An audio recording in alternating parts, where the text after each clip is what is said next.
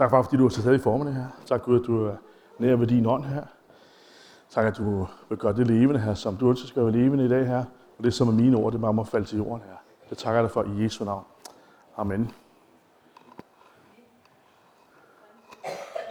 Ja, ja, det var rigtigt at sige. Øh, der er svært, ikke børnekirke i dag. Pamela, som skulle have haft den, hun er blevet meldt forfald her kl. 9. Jeg ved ikke, om hun var syg eller hvad hun var, men hun er i hvert fald ikke kommet, så, så der er ikke børnekirke i dag. Til gengæld så er der mulighed for at, at starte på et stort øh, kagemisbrug, når vi kommer over i Sønderhuset om ikke så længe. Øh, Talheldet også kan man også få en masse frugt. Og det er simpelthen fordi, at... Øh, nu skal jeg tænde det her. Der skete det her i går. Farsad han blev gift i går til Marjan, så der var bryllupsfest over. Men de havde fået købt rigeligt ind. så der er alle mulige lækre kager og alt muligt over i, øh, i huset over bagefter. Så det er, det er inviteret til. Det er borgmesteren, der står til højre, hvis ikke I kan se det. I en eller anden meget, meget smart kjole, jeg aldrig har set ham i før. så, godt. Jamen, øh, Tina, hun har allerede taget min prædiken, så jeg, spørgsmålet var, at jeg stod til at overveje, om jeg skulle holde, hvad med at holde den. så det er, så vi kommer over til kagen. Nej, men jeg har gået sådan tænkt lidt på post-corona. Det er jo den tid, vi lever i. Fordi nu har jeg lige, vi har lige været på ferie i Italien. Der er det ikke helt overstået endnu. Det var med maske og hvad hedder det, alting dernede. Og en dag stod jeg sådan i køen ved et supermarked og kom til at hoste, så damen foran mig, hun sprang en meter frem. og kiggede sådan tilbage ud på mig, så kom jeg til, og så fik jeg lige sådan en flashback til, hvordan det var herhjemme for noget tid siden. Øh, men det er den virkelighed, vi lever i. At øh, vi lever sådan en eller anden eftertid for det her. Og så tænkte vi, så skulle vi have tid til at komme os, og så er vi gået direkte ind i en krigstid med det, der foregår i, i Ukraine, som er også er helt forfærdeligt. Og når så det er ved at være, hvis det er, det er ikke over ved at være overstået, men det giver i hvert fald en fødevarekrise, siger de nu. Så hvad hedder det, så det bliver mangel på fødevarer. Hvad hedder det, de er lige, de er lige hvad hedder det, det er så andre årsager, det er på grund af tørke, men man har lige hvad hedder det, rationeret øh, olivenolie. Var I klar over det? Ikke bliver til at mange. Korn kommer til at mange. Der er forskellige ting, der er sådan, de siger, der kommer til at mange. Øh, vores arbejdsliv har ændret sig. Så jeg har gået sådan og tænkt, hvad, hvad, hvad har det her gjort? Har det gjort noget ved os? Gør det noget ved os? Øh, oplever familier, hvor der er kommet skæld. Nogen har vil vaccineres, nogen vil vaccineres, som stadigvæk ligger og har ødelagt familierelationer, vennerelationer og alle mulige ting, som er blevet anderledes på grund af den tid, vi er gået igennem. Og så kom jeg til at læse, hvad hedder det, en artikel om prepper. Ved I, hvad det er? Jeg havde troet, det var sådan et kristen, hvad hedder det, ægteskabskursus. Det tror jeg nok, det hedder sådan, ikke? Prep eller andet, ja. Så jeg tænkte, der skal jeg lige læse det. Det var da fantastisk. Der var kommet en annonce i en stor artikel på et DR omkring uh, kristen ægteskabskursus. Det var det så ikke. Det kommer af det engelske ord prepared, som betyder forberedt. Og betegnelsen dækker det fænomen, at man forbereder sig på at kunne overleve i ekstreme krisesituationer, hvor det hele eller dele af samfundet kollapser. Det kunne være på grund af naturkatastrofer, terror, pandemier, eller krig, eller den helt usandsynlige zombie-akapolypse. Har I hørt om den? En prepper er en person, der forbereder sig på den værst tænkelige situation, hvor samfundets normale måde at virke på er sat ud af spil. Det vil sige en situation, hvor man ikke bare kan gå ned i supermarkedet og købe mad og andre fornødenheder, som f.eks. toiletpapir og sæbe. Der er ikke noget vand i vandhænderne. Der er ikke noget strøm i stikkontakten for vandværkerne og elværkerne at sætte ud af drift. Måske fordi de bombede smadre, eller en pandemi har gjort af med alle dem, der skulle holde dem i stand. Og du bliver ned i supermarkedet, er der alligevel ikke noget at købe. Du opdager kun lovløshed og kaos. Folk er presset, bange og desperate. Alle vil gøre, hvad de kan for at skaffe mad til sig selv og deres familie. Koste hvad det vil. Og det betyder, at folk stjæler, hvad de kommer i nærheden af, for de mener, at det kan hjælpe. Alle fødevarer er væk i butikkerne, og folk slår hinanden ned for en liter mælk eller en pakke rugbrød. Men det, der slog mig, det var, at der er 6.000 danskere, der har været igennem et prep-kursus nu. Der er en mand, der lever af, stor, de har en stor business ud af det her, og forberedt. Der er 6.000 mennesker, der har været igennem forberedelse på det her. Og så er der en, der udtaler på en Facebook-side, han hedder Christian Sørensen. Jeg oplever, at familie og venner pludselig har en reel forståelse for, at prepping ikke er åndssvagt eller dommedagsagtigt, men derimod er et fornuftigt tankesæt, som giver ro i vores lille familie i en tid som nu, hvor meget usikkert, skriver Christian Sørensen, som er bruger på en Facebook-site for preppers i Danmark. Så jeg lavede bare lige en hurtig søgning på det i morges. Jeg kunne finde 40.000 medlemmer på Facebook af, af, af sider om, omkring at være prepper. Jeg tænkte, det har jeg slet ikke set komme. Men der sker altså et eller andet i vores samfund i øjeblikket, hvor frygt, angst og ængstelighed, det har fat på en helt måde, som vi aldrig nogensinde har kendt før. Og jeg tror egentlig, vi alle sammen øh, sådan, hvad hedder det, kender det. Jeg har en kollega, han har et øh, sommerhus på Bornholm, som han lejer ud. Det lille bureau, der lejer hans sommerhus ud, de har fået tre afmeldinger fra danskere, som er bange for, at russerne kommer på Bornholm. Og det var bare det ene bureau der. De siger på Bornholm, det er ikke en, og det er ikke tre. Det er faktisk rigtig mange, der ikke tør at tage på, på ferie på Bornholm. Så jeg tænker, hvad er der sker i vores verden? Der er et eller andet i røre, som, som, øh, hvad det, som er helt, helt anderledes. Og den virkelighed, vi bevæger os i dag, det danske militær, jeg sad og snakkede med en anden en, som, skulle, som fortalte, at en af hans venner skulle på barsel i militæret. Alt barsel er inddraget i det danske militær. Ferie er indtil videre udsat på grund af situationen i Ukraine. Der var billeder fra Køgehavn, hvor nogen har set dem, hvor der stod maskinbestil på bevæbnede øh, folk og bevæbnet, eller bevogtet Køgehavn, mens de læser, hvad hedder det, militæret, som skal til Letland. Det er sådan nogle billeder, vi ser i øjeblikket. De skal udskibes for Køge. Vores F-16 fly, de flyver rundt derovre også. Og det gør jo, at samtaler ved middagsbord, vi havde gæster i går, eller andre steder, det begynder at dreje sig om sådan nogle ting. Der er sket et skifte i, hvad vi taler om. Har I oplevet det? Folk begynder at tale, kunne han finde på at smide bomben? Det kan jeg huske, dengang jeg var dreng, der talte man atomkrig og sådan noget. Så gammel er jeg. Og det har man ikke talt om i masser af år. Lige pludselig, så er det noget, vi sidder og taler om, når vi skal hygge os til aftensmad med vennerne. Tror I, han kan finde på det? Der, der, der er en helt anden samtale, hvor vi taler om prisstigninger på, på alt muligt. Vi bliver, vi bliver nervøse for vores økonomi. Der er sket noget med vores virkelighed. Om vi kan lide det eller ej. Den har ændret sig. Den er ikke der, hvor vi forlod den for tre år siden. Hvor vi troede, nu lever vi trygt og godt.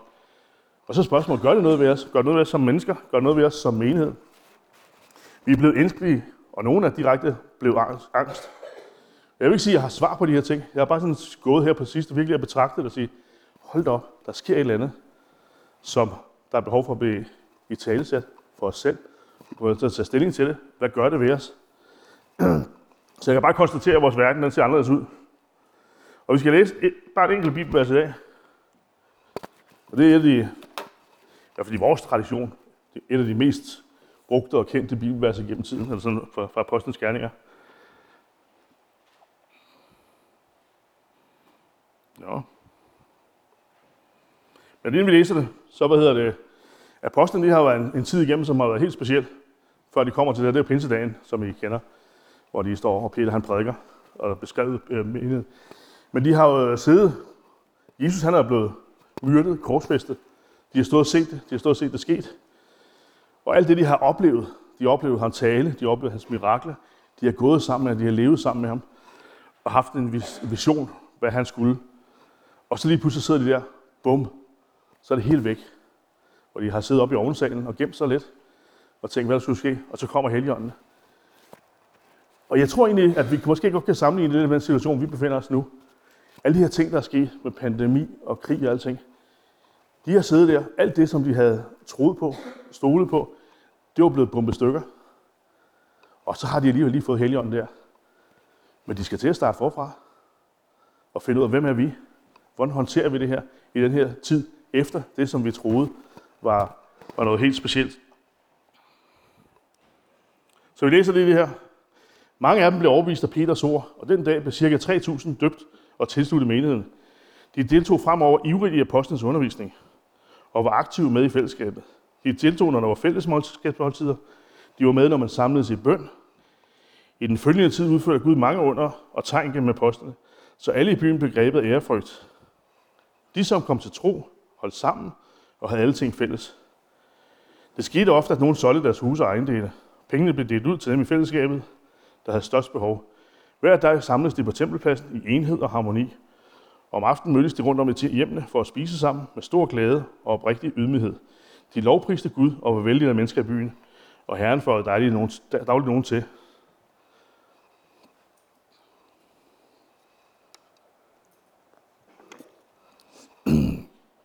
Og lige inden det her, de to sætninger inden det her vers, jeg lige har læst. Der stod, Peter talte endnu i nogen tid til dem, opfordrer dem indtrængende til at lade sig redde ud af denne vantro og vandrettede verden. Så han har et eller andet, siger, det her, der er, der er sket noget, som vi har behov for at komme væk fra. Og jeg tror, vi er lidt i den samme situation. Så kan vi lade de her ord pege ind i vores tid? Kan vi lære noget? Kan vi lære noget som, om situationen som kristen i dag? Ind i vores angst for nærhed? Der tror, der er sket noget i vores måde, vi omgås hinanden på. I hvert fald nu er jeg jo sælger til daglig. Og tidligere, når man kom ind i firma, så fik man stakket lappen ud. Nu står folk sådan to meter væk stadigvæk i Danmark. Øh, giver vi hånd? Det er faktisk det første spørgsmål, når man kommer ind og taler med en kunde stort set i dag. Hos 50 dem giver, øh, giver vi hånd? Så kommer sådan en forsigtig lappe frem. Før der var det sådan, bum, velkommen til, og komme ind og få noget kaffe. Der er sket noget i vores måde at omgås hinanden på, som har snedet sig ind. Og det var defineret af en anden ukendt sygdom. Men jeg tror, der har nogle lighedspunkter med den menighed, vi kigger på, der er den første menighed. Kvæg det, de havde været igennem med Jesus. At de virkelig var et sted, hvor de skulle til at finde ud af, hvordan agerer vi i den her situation.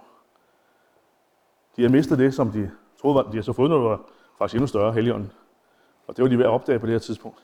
Wow, der er noget her, der er fantastisk. Men de er et sted, hvor alt, hvad de skal gøre, det er noget, de gør for første gang. De skal finde en ny måde at bevæge sig på. Så hver skridt, de trådte der, det var troens skridt ind i en ny virkelighed. De gik ind i en ny virkelighed hver gang, at de gjorde et eller andet på det tidspunkt. Nu har vi så Bibelen, og vi kan lære en masse ting af dem. Men jeg tror langt hen ad vejen, at kvæg, at der er sket noget ændring i vores samfund, så skal vi til at lære os at sige, når vi tager nye skridt, og vi omgås mennesker, så er der sket noget nyt. Det er en anden situation, vi skal være i. De skulle lære at gå selv. Tidligere havde de fulgt Jesus. Det var dejligt nemt. Han havde gået foran. Nu går vi herhen. Og nu gør vi mirakel der. Nu helbreder vi en der. Det var væk. Nu skulle de selv gå og gøre det. Det var et enormt skift i deres, øh, deres det, sådan det var før, og til det var nu. Der var sket noget. Så man tænker, man kan godt se, at det har nok været lidt med i hvert fald ærefrygt og lidt bæven, at de har stået der. Det kan jeg i hvert fald levende forestille mig. De skulle jo præsentere det her nye, uden chefen, uden ham, som har lært dem det hele. Hvordan var, hvad var det nu, han sagde? Hvordan var det, vi skulle gøre? At vi ikke gjort det før. Jeg tror lidt, når vi skal omgås mennesker, så oplever, kommer vi til at opleve det. Vi skal finde vej i et nyt fællesskab, hvor troen og tilliden til Gud og relationen til medmennesket skal være bindemidlet igen. Noget af det, som er tabt i større eller mindre grad, det skal vi, kan vi tage tilbage, fordi vi har fået en gave. Og det stykke her, vi læste op, det beskriver, hvordan troen udmyndte sig i fællesskab omkring apostlenes lære. Altså om fortælling om, hvad Jesus han har sagt, gjort, bryde brødet, drikke af bæret, og altså, han nadver sammen, bede sammen. Og jeg tror, den frygt, der prægede dem, det var lige det en usikkerhed for fremtiden, men også en ærefrygt for det Gud, han gjorde. Så en kombination af, wow, Gud han forvandler mennesker. De får lov at møde ham. Og så en frygt om bævelse i hold af fest, hvad er vi at ud i? Hvordan gør vi det her? Vi har ikke været her før. Vi skal prøve noget nyt.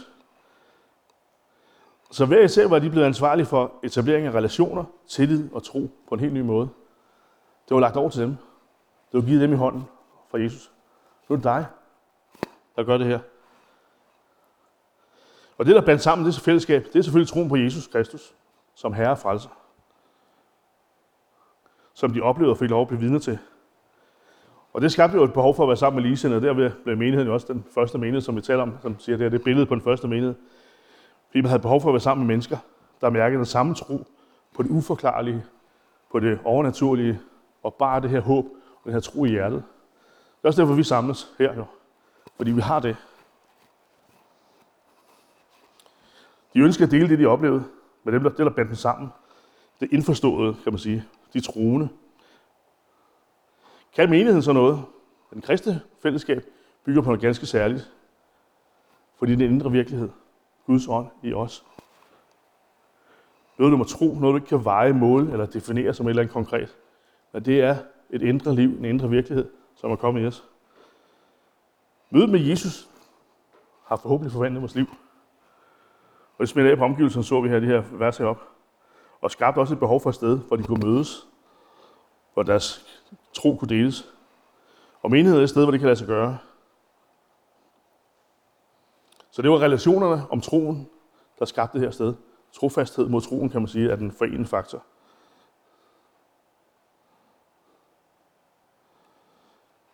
Og så er det her linje her, vers 46. De kom i enighed i templet hver dag. Hjemme brød de brød og spises, og jublede oprigtigt pris til Gud. Så der var en vekselvirkning mellem at komme i templet, eller i Guds hus, og derhjemme, som var, var tosidigt det her fællesskab om troen. Det udmyndte sig i menigheden, som er her, men det udmyndtes også derhjemme. Så der skete noget. Så den kristne menighed blev stedet, og er stadigvæk stedet, hvor troen og livet som kristen kunne deles. Og man ikke også tiden er til, at vi skal, den tid, det tror jeg i hvert fald med den her ændring, der er i vores samfund, at det er det, vi skal have tilbage, noget der skal have, have liv i det. At det leves, ikke kun her, men det leves også i hjemmene. Det leves der, hvor vi er, på arbejdspladsen. Tiden, vi lever i, den kræver i hvert fald eftertanke. Og at der bliver sat ord på tanker og følelser. Og jeg tror, at det er det folk, de sidder, når de prøver det og spørger, kommer bumpen ved middagsbordet. Det er tanker og følelser, som mennesker har fået behov for at få sat ord på. Der er simpelthen, der foregår så meget, så man har, man har behov for at tale om noget, som ikke er ubetinget behageligt, og som skaber angst eller ængstelighed, utryghed. Jeg læste lige en artikel her til morgen, og man må ikke sige til børnene, vi har ikke råd til det her, for det skaber frygt i børnene.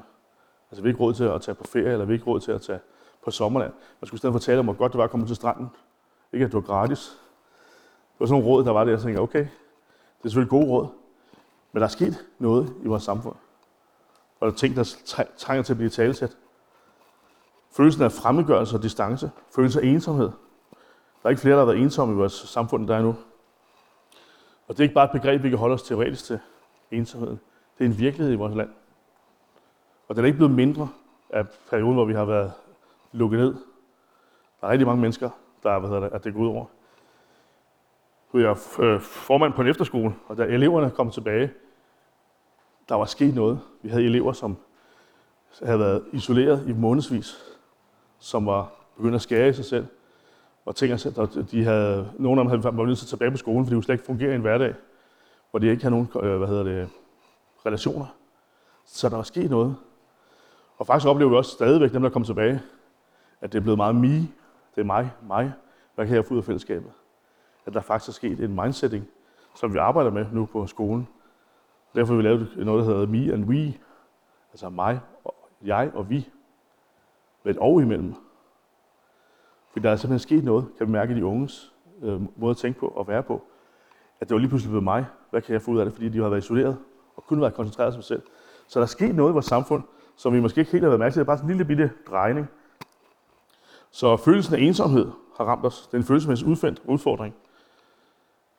Og det er grunden, vi har været igennem det, vi har været igennem. Og de her skridt, vi gik væk fra hinanden, hvor vi trak os fra hinanden, det gik så lynhurtigt. Det var sådan lige den, var den 10. marts? 13. marts, ja. Der skete, det var bare sådan en dag, bum. Dagen før var vi sammen, og dagen efter var vi ikke sammen. Du nåede ikke, vi nåede ikke at forholde os til det. Så der er sket noget.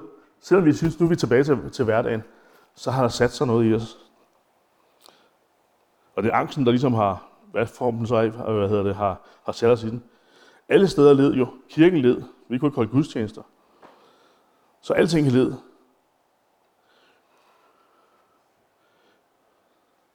Så i menigheden har vi også kunne mærke det. Og så er spørgsmålet, om ikke vi udfordres til at tage stilling og til at lave noget øh, engagement. Hvis ikke vi gør det, vi har det, som, øh, som kan møde det her, som den her ændring, der er i verden. Angsten, vi har fået det af Gud, som skal til. Det gamle spørgsmål er, hvad ville Jesus have gjort?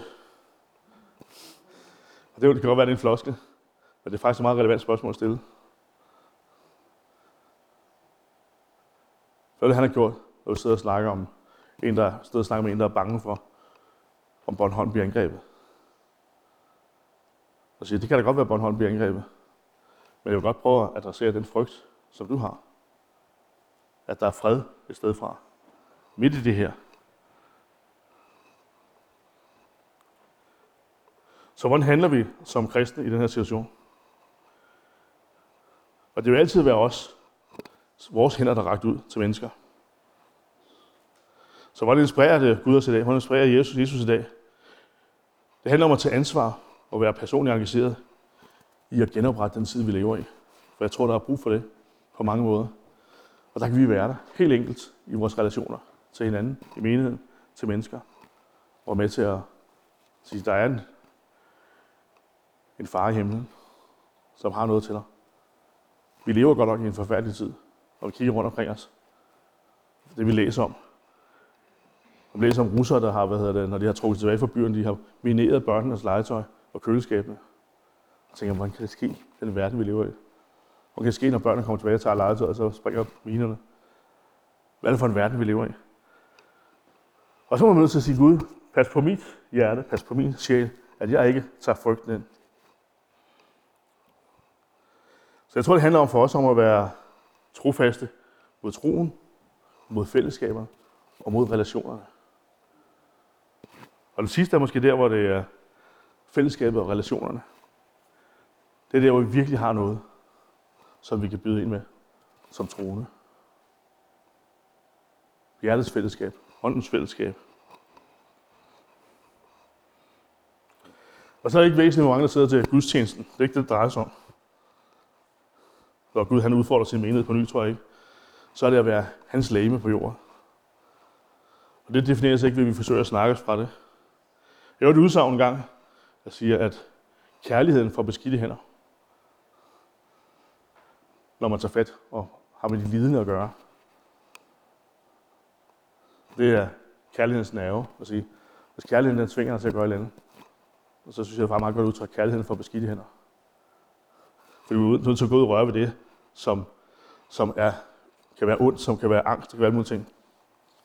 Og kærligheden kan ikke udmyndes ved kun i bøn og lægge ansvaret på Gud. Og så tro på, så sker hans vilje. For når Gud han taler til os om kærlighed, så siger han til dig, du er mine hænder. Så vores gudstjeneste, det er det Gud, han kalder os til, når vi erkender, at vi er hænder og fødder, som rækker ud og er sendt for at møde mennesker med hans mærkbare kærlighed på jorden. Så gudstjeneste i det her hus skulle gerne være den kærlighed, der binder sammen os til at handle i den verden, vi lever i, og forkynde evangeliet. Og som Frans Assisi sagde, hvis nødvendigt bruger. Det var sådan set det, jeg havde på hjertet i dag. Hvad hedder det? Altså, at vi lever i en ny tid. Den er ikke ubetinget god. Men vi har en masse at give ind i den tid. Folk kan få lov at mærke Guds kærlighed gennem os. Og så er det godt, at vi er nødt til at få lidt beskidt hænder. Og alting er, som vi drømmer om. Og vi godt kunne tænke os, at mennesker de skulle opføre sig perfekt, når de kommer ind i rummet her. Sådan vil virkeligheden ikke være det. Kærligheden for beskidte hænder. Amen.